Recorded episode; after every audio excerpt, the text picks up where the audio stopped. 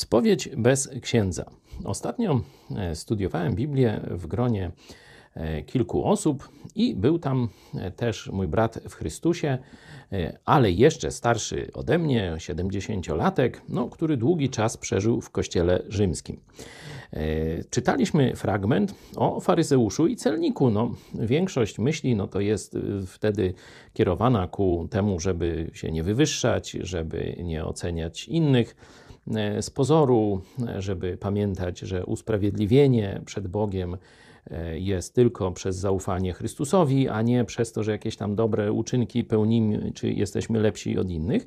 No to można sobie sprawdzić, 18 rozdział Ewangelii Łukasza od 9 do 14 wersetu, krótki fragment, ale myślę, że wszyscy znają. A ten mój brat w Chrystusie mówi, zaraz, zobaczcie, że tutaj jest ewidentna analogia do katolickiej spowiedzi z jedną tylko, tylko różnicą. No bo jest, dzieje się to w świątyni, tam są też e, przecież w okolicy kapłani, no i przychodzą ludzie ze swoimi grzechami. Jezus opowiada, jak y, mówią o swoich grzechach, czy o swoim życiu. Raz faryzeusz, a raz ten celnik. I zobaczcie, mówi, do kogo oni się, no powiedzmy e, żargonem katolickim, do kogo oni się spowiadają no nie spowiadają się do człowieka, chociaż dookoła są kapłani, e, tylko mówią swoje grzechy, czy o swoim życiu duchowym. Jeden tam uważa, że prawie że nie ma tych grzechów, a drugi ma pełną świadomość, ale obaj mówią bezpośrednio do Boga.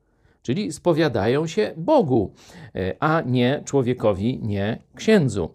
No, bardzo prosta i jasna obserwacja. Oczywiście z naszymi grzechami, jeśli chcemy, żeby one zostały nam przebaczone, musimy przyjść bezpośrednio do Boga, a konkretnie do Boga Syna Jezusa Chrystusa, który zapłacił karę na krzyżu Golgoty właśnie za nasze grzechy.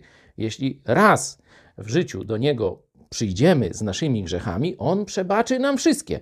Od momentu naszego tam nawet poczęcia do naszej śmierci.